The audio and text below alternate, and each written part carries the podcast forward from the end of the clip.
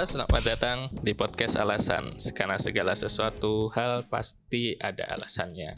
Halo, di sini gue Daniel. Uh, kembali lagi mengudara di podcast Alasan. Nah, hari ini rekamannya bersama An. Halo An. Halo. Lama nih aku. Iya. Mm-mm. Lama ya kita udah nggak podcastan lagi ya. Saking sibuknya satu sama lain. Gimana kabar sehat? Sehat alhamdulillah.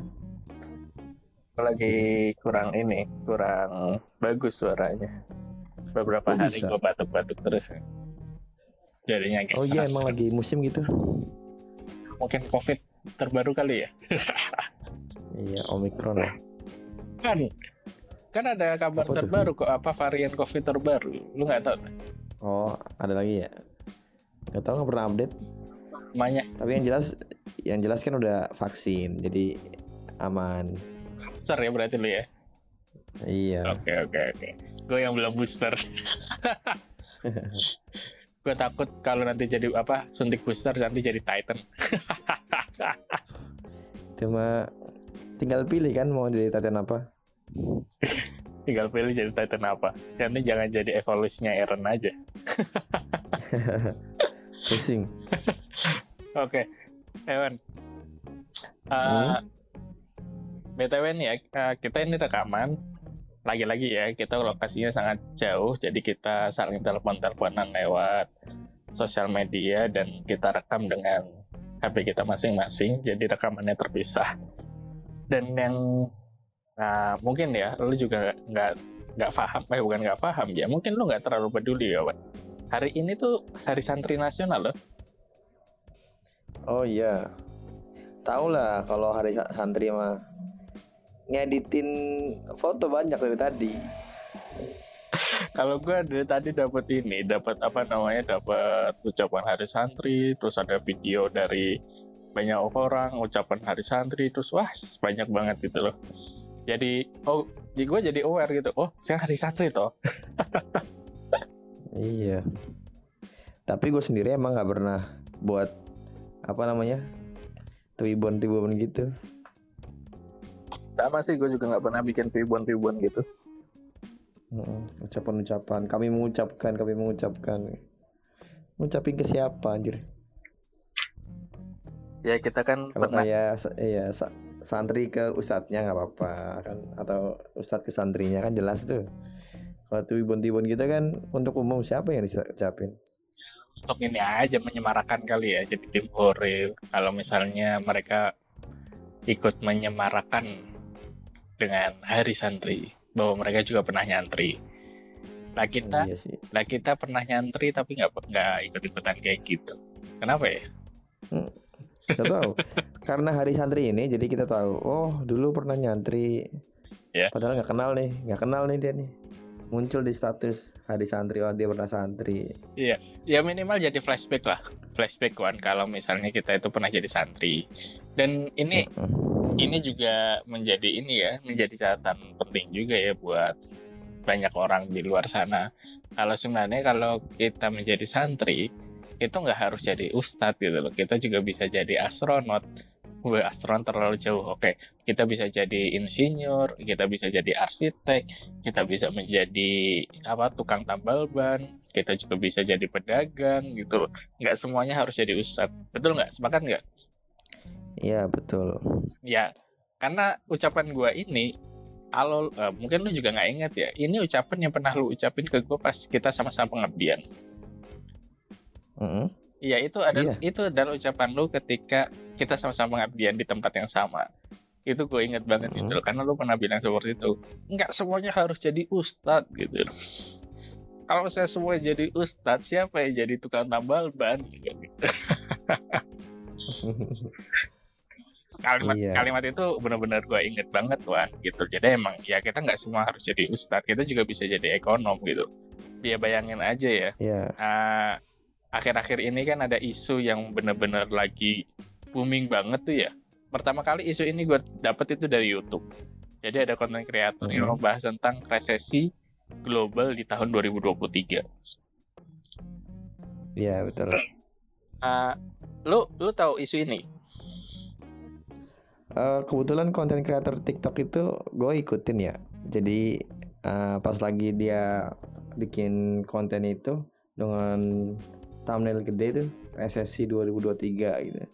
Tapi pertama kali lihat video itu itu enggak Daniel ya, Den Denial apa sih? Daniel nggak begitu peduli. Sama sama gue juga nah, sama video peduli. itu. Uh, soalnya panjang banget kan. Iyalah. Itu video TikTok sampai 3 menit dia bikin 4 video bah. Banyak lah pokoknya. Jadi, nah gara gara-gara ada temen nih selalu ngirimin terus. Dia ngirimin ngirimin ngirimin. Mungkin dia pengen tahu maksudnya apa sih gitu gitu jadi, jadi akhirnya gue baca gue lihat itu uh, apa nama isinya. Dan memang kenapa gue pertama Daniel dengan dengan berita itu? Karena apa namanya uh, ya itu memang fakta ya. Kalau ada kemungkinan ke arah itu. Tapi apa namanya nggak uh, seserem itu. Maksudnya kalimat itu bukan untuk uh, menakut-nakuti orang gitu. Berarti masih hipotesis dong ya? Ya ya bagaimana kita sekarang aja buat mempersiapkan. Bahkan gini uh, pertama kali pertama kali kalimat itu muncul jangan siap-siap 2023 resesi gitu.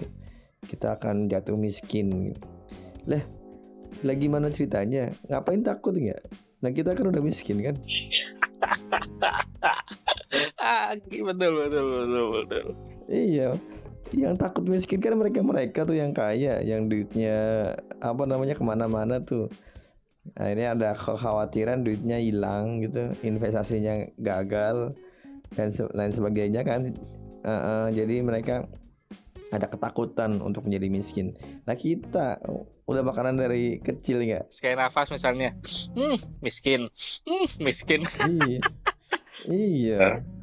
Harga naik gak kejangkau lah. Emang sebelum naik juga gak kejangkau kan gitu. Jadi ngapain dipikir-pikir amat kan? Betul betul. Dan ternyata resesi gini kan pernah juga terjadi kan, nggak nggak cuma sekali doang. Jadi dulu-dulu juga pernah.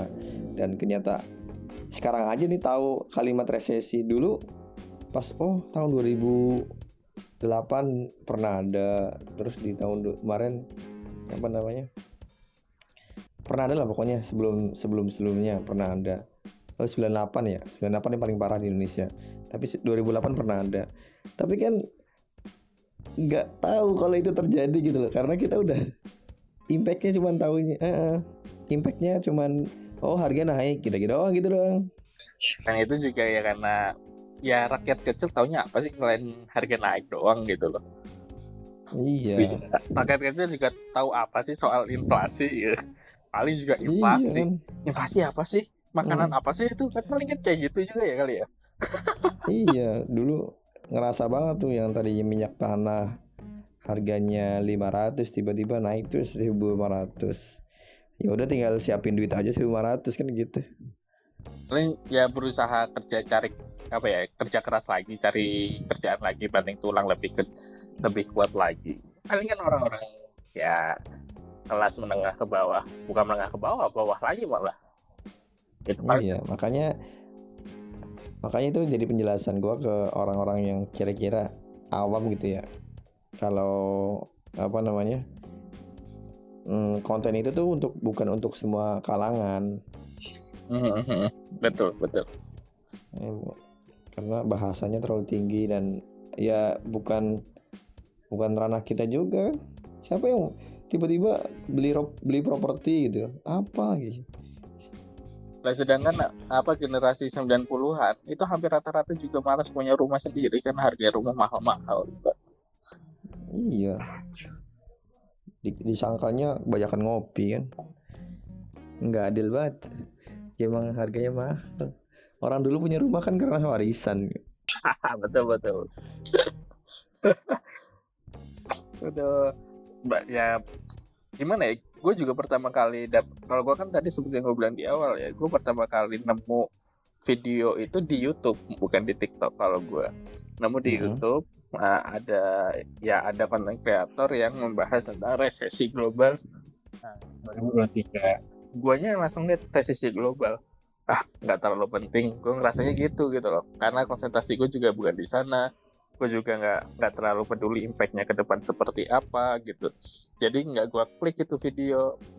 Tapi setelah itu berita itu cukup rame gitu loh di mana? Di Twitter gitu loh. Karena kan Twitter ya platform sosial media yang isinya penuh orang-orang mental ya jadi sekali hmm. ada isu yang bisa digoreng habis-habisan dia bakal rame di sana gitu loh semua orang bebas yeah. beropini semua orang bebas mencaci maki nah terus ya salah itu ya ya gue bener-bener blank banget gitu loh masalah uh, isu ini gitu jadi kalau gue sendiri ngelihatnya ya ya buat kalangan-kalangan ya kalangan-kalangan kita yang masih merintis usaha, merintis ini itu mungkin nggak terlalu merasa dampaknya sih nantinya ya. Paling ngerasain dampaknya cuma ya harga-harga naik, terus uh, jadi banyak susah, apa bukan banyak susah, jadi susah mendapatkan customer karena masing-masing orang akan menjaga harta kekayaannya atau bisa jadi nanti gue malah mikirnya dengan adanya seperti itu negara memberikan apa ya menyuntik dana kepada masyarakat terus inflasi jadi inflasi mungkin bisa bisa gitu juga kali ya karena gue juga nggak terlalu iya. nggak iya. terlalu apa ya nggak terlalu paham ini resesinya kenapa isu yang gue baca itu juga karena perang Ukraina sama Rusia terus ada juga ya, faktornya karena ya inflasinya Amerika ketika pandemi. Terus uh, karena karena Lesti dan Bilar. Iya, sebenarnya yang yang jadi musuh kita nih yang masyarakat bawah gitu, bawah dan dan kolong itu bukan di resesi 2023. Ini kan resesi 23 kan yang digaungkan uh, resesi global jadi skalanya global nggak cuma Indonesia doang. Justru malah di Eropa nih yang lebih parah kan. Apa yang lo tahu uh, di sana? karena ya karena mereka langsung langsung kena dampak dari dari perang itu tuh. Rusia sama oh, okay. uh, Ukraina. Nah itu dampaknya kerasa langsung kalau Indonesia nggak nggak begitu kerasa. Uh, ya impactnya sedikit lah. Yang jadi musuh kita itu yang menengah ke bawah dan dan dasar gitu. Itu platform itu tuh uh, apa namanya Zeus tuh. Zeus. Uh, tahu Zeus? Gue kayak pernah dengar coba jelasin. Kayak gue kayak gitu pernah dengar Zeus Zeus. Kayak judi online judi online. Iya iya benar judi online. Ice iya kan istilahnya gini kalau apa namanya hmm, ke depannya itu bakal resesi gitu ya atau harga-harga naik gitu. Sebetulnya apa masyarakat mampu gitu. Sama slot yang gitu. enggak. Ya, mereka duitnya udah habis buat slot nah gimana mau beli mau beli kebutuhan dasar? Gue pernah kemarin pas lagi apa? Pas lagi ke pasar tuh ke pasar pasar tradisional. Ada bapak-bapak metikin cabe sambil main slot ya ampun itu untung sayur berapa buat main slot habis itu mah karena bagaimanapun hmm. judi eh bagaimanapun juga ya yang namanya judi pasti bandar itu selalu lebih menang dibandingkan uh, apa namanya pemainnya gitu loh. Iya kalau ada main judi menang itu mah influence-nya itu mah ya betul. Iya terus ya kemarin marak banget itu apa namanya investasi bodong yang harusnya masyarakat kecil itu punya duit. Mungkin dia habis jual apa gitu punya duit yang bisa buat bertahan hidup. Eh ketipu sama investasi bodong. Sekian juta apa namanya hmm, hilang lah duit. Kan sebenarnya masalahnya di situ tuh. Daripada kita ngomongin resesi-resesi gitu yang sebenarnya yang Mm, dampaknya nggak begitu kerasa sama masyarakat kecil. Ya memang berdampak udah pasti lah. Ntar gue domelin lagi. Oh, lu nggak tahu aja ngomong nggak berdampak. Iya berdampak. Cuman apa namanya dampak ke masyarakat tuh mau lu jelasin gimana ke ke orang pasar juga nggak bakal paham deh yang paham adalah lu main judi itu kalah mulu anjir. Nggak usah ikutan. Mungkin gini apa namanya tingkat problemnya itu berbeda gitu di tingkat kalangan sosi apa society kalau di tingkat Mm-mm. bawah itu masih berkutat dengan judi online tingkat menengah Iya. masih berkutat misalnya dengan investasi tingkat atas udah berpikir yang lebih jauh bahwa investasinya mereka yang udah begitu banyak itu jadi bisa turun hanya karena inflasi kan bisa jadi kayak gitu Iya, investasi nggak investasi nggak buruk. Yang buruk itu di masyarakat kan investasi bodong. dasarnya iya iya. Pada dasarnya segala investasi itu ada resikonya ya resikonya sama-sama rugi gitu loh. Semua orang yang ikutin investasi bodong pun sebenarnya juga tahu bahwa mereka itu nanti akan rugi gitu. Hanya saja mereka nggak terima ditipu dengan cara seperti itu aja. Karena kalau misalnya dilihat cara bentuk investasi ya ini gue juga nggak bisa ngomong kayak gini juga ya tapi kan secara apa ya secara secara garis besar terlihat sekali gitu loh bahwa itu ya mungkin sistemnya sama aja kayak judi lu naruh berapa dapatnya berapa gitu loh. Dengan uh, perubahan pasar modal yang begitu cepat gitu loh pergantian uh, pergantian angkanya naik turunnya gitu. Ya gampangnya gitu aja. Karena kan ya kita hanya men- menaruh berapa berharap ntar uh, akan naik uh, modal yang kita berikan atau mungkin akan turun modal yang kita berikan. Ya sama aja kan sistemnya hampir serupa dengan Iya. dengan apa namanya judi. Cuma ya orang-orang Iya. ya begitulah. Ya kita cuma Iya. sebagai masyarakat kecil juga bisa ngomongin apa sih soal resesi gitu. Ta- pertama kali gue dapat kata resesi aja gue gue tadinya salah baca loh. Gue pikir bacaannya resensi Iya, resensi Resensi apa nih? ya? Gua nggak tahu dah. resensi itu uh, mengulas wan Hmm. si buku ya mengulas isi buku resensi film ya Oh, iya, mengulas iya. film Kirain itu apa namanya? eh, sumber referensi itu ya. nah, itulah ya. eh, waktu apa namanya? Waktu investasi bodong itu itu sebenarnya rame banget tuh. Gue pernah sebenarnya kalau kalau podcast ini udah ada waktu itu tuh wah gue bahas tuh. Seru banget. Soalnya waktu gue denger berita ada di kampung miliarder di mana tuh? Di mana gitu ya? Blitar ya? Apa di mana? Pokoknya ada kampung miliarder lah. Heeh. Di sana eh gue lihat di beritanya katanya semuanya pe- pedagang bakso. Pedagang bakso bisa beli mobil Pajero kan nggak mungkin banget. Gua pedagang mie ayam bertahun-tahun beli motor ya Vario doang nih kan gitu. Masa dia beli eh, jualan bakso bisa beli mobil?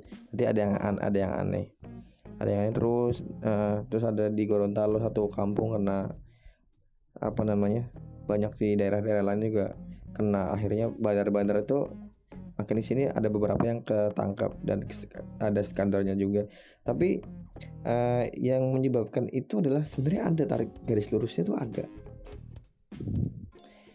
Yang menyebabkan itu terjadi adalah kemiskinan anjir. Kemiskinan faktor pertama ya. Ya faktor kedua juga Iya. karena kebodohan aja sih. Iya karena dia miskin jadi pengen oh di- diiming-imingin kaya gitu. Dengan secara instan. Wah dengan eh kamu jual sawah. Nanti apa namanya deposit sekian untungnya sekian gitu.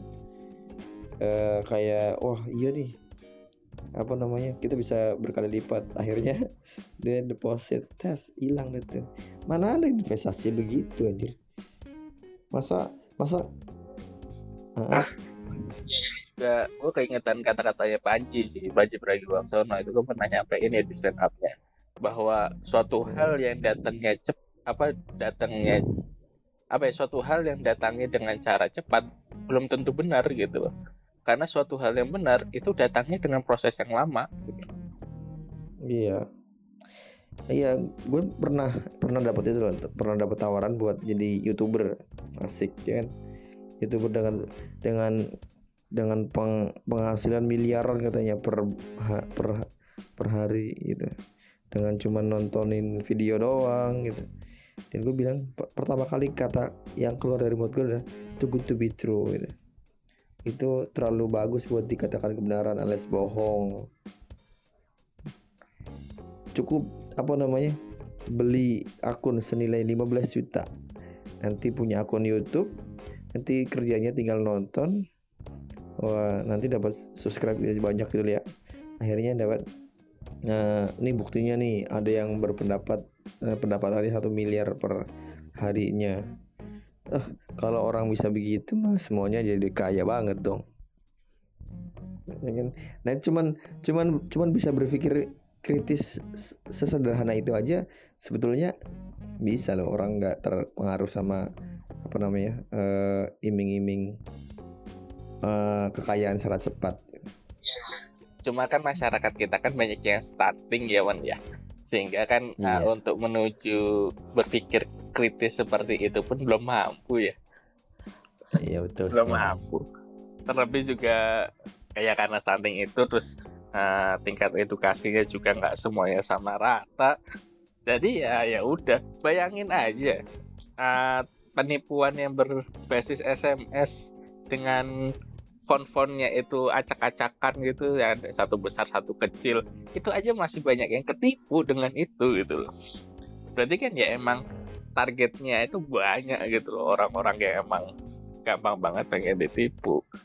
Ya, Iya. Dan dan akhirnya gua eh beberapa bulan terakhir inilah jadi concern banget sama masalah ekonomi. Gara-gara itu tuh, gara-gara investasi bodong itu kok bisa gitu. Dan akhirnya pas lagi resesi itu ya, gue awalnya denial karena oh tuh nggak seserem itu sebenarnya mah. Ya kita berharap lah ya. Lagian kita punya eh, di Indonesia punya ekonomi-ekonomi hebat juga. Asalkan as- asalkan mereka nggak nggak terjun ke politik praktik politik praktis aja udah nyebelin itu kalau udah semuanya kan sudah terjun ke sana, Wan. Sekarang kan Indonesia Iya, kan Indonesia kan jadinya. lagi mahal-mahalnya kan cuma buat IKN doang. Tapi dari dari gue belajar itu ya ternyata ikan se- sesuatu yang su- sulit untuk di apa namanya bukan sulit untuk digagalkan justru malah Kita lihat nanti aja. gitu kan soalnya ternyata di balik apa namanya ada dua kekuatan besar di Indonesia ini menurut yang gue tahu ya itu dari politik yang selama ini gue tahu. Ternyata di balik itu ada kekuatan investor kuat banget gila. Itu lebih kuat daripada kekuatan politik itu. Ya yang jelas kalau kita bahas soal politik itu nggak akan ada habisnya. Karena di Iya, situ iya, banyak betul. faktor yang akan mempengaruhi faktor-faktor lainnya. Dan seperti ya gue baik lagi ya. Nah, gue ingat betul gitu kata-kata Panji Pragiwaksono di dalam dunia politik isinya itu ya septic tank aja gitu. Semuanya tai gitu loh. Jadi kalau lu mau bahas betul. politik ya lu akan bersinggungan dengan bahan-bahan tai gitu. Udah aja. Wah ini gila nih. Nah, kita udah membahas resesi dengan bahas eh bukan bahas ya dengan pembahasan tololan kita ya. Iya seru seru Ini. sama sih bahas resesi kita ahli ekonomi Iya. bukan ya kita cuma bisa komentarin aja Iya. lah Iya, dengan kacamata kita sebagai rakyat. Heeh. Apalagi kita ya udah cosplay kan cosplay miskin. Semoga aja berakhir kan. Resesi berakhir kita cosplay miskinnya enggak. Udah udah udah berharap udah berharap udah berakhir juga jadi kaya deh. Bisa. nah ada hal yang mungkin pengen banget gue bahas. Ah, hal ketika apa namanya adanya resesi nanti misalkan banyak orang-orang itu menjual. Biasanya orang-orang yang menjual investasi mereka itu adalah orang-orang miskin. Karena orang-orang kaya mereka akan sibuk membeli apa yang dijual itu. Karena nanti ketika sudah balik balik modal itu akan menjadi lebih kaya lagi. Itu gue baca di mana itu Nah, kata-kata itu tuh. Jadi kalau misalnya nanti uh, ada orang A B C D E uh, menjual saham mereka terus ya untuk orang-orang yang kaya kaya malah membeli-beli saham-saham yang dijual secara murah itu. Nah nanti ketika sudah balik lagi ekonominya jier naik lah. Ya itu udah udah apa namanya? Udah siklus yang kaya makin kaya yang miskin makin miskin. Tap- ta- tapi kalau misalkan yang miskin gitu yang yang menengah ke bawah pengen hold apa yang dia punya kalau emang pada dasarnya nggak mampu ya kan nggak bisa juga kan ya? Jadi emang kayak nggak punya pilihan buat menjual akhirnya. Kal- kalau kita semuanya pada apa namanya eh, di taraf yang sama gitu kekayaannya mungkin yang berperang yang berperan tinggal pikiran. Siapa yang lebih cerdas yang punya pengalaman dia bakal beli. Yang yang kira-kira udah parno duluan dia bakal jual. Gitu.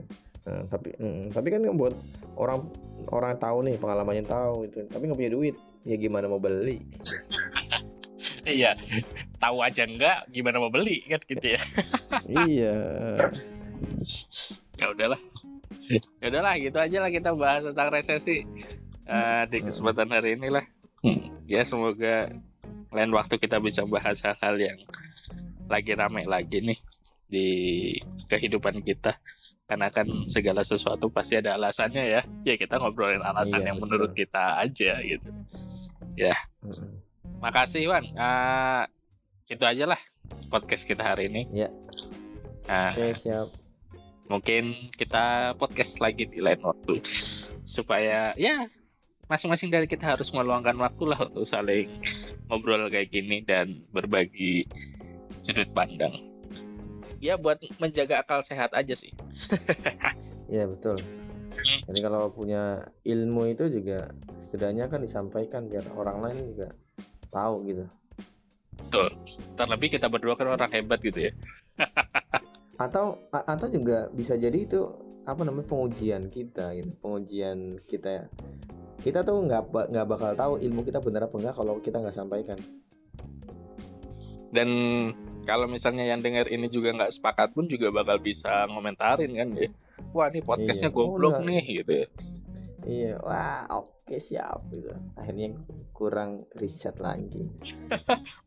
ini podcast gak jelas nih gak usah didengerin siap bosku kan gitu ya udahlah gitu aja Wan kita tutup aja lah podcast yeah. ini uh, yeah. dan selamat hari santri kepada seluruh santri di dunia eh, nggak nggak di dunia sih cuma di Indonesia aja cuma ada hari santri. Oke, okay, di sini gue iya. Daniel cabut. Kawan mau cabut juga nggak? Ya, gue cabut juga nih, undur diri. Ya. Hai. Hai.